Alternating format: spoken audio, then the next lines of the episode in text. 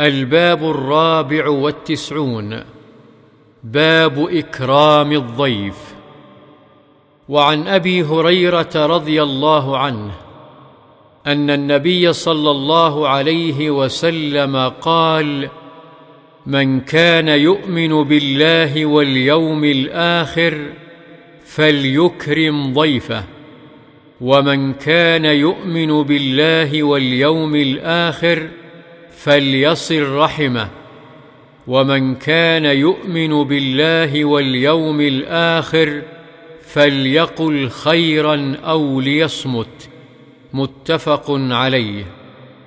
وعن أبي شريح خويلد بن عمرو الخزاعي رضي الله عنه قال سمعت رسول الله صلى الله عليه وسلم يقول من كان يؤمن بالله واليوم الآخر فليكرم ضيفه جائزته. قالوا وما جائزته يا رسول الله؟ قال يومه وليلته والضيافة ثلاثة أيام فما كان وراء ذلك فهو صدقة عليه.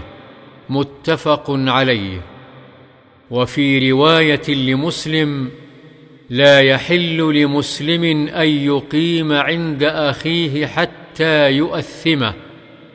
قالوا يا رسول الله وكيف يؤثمه؟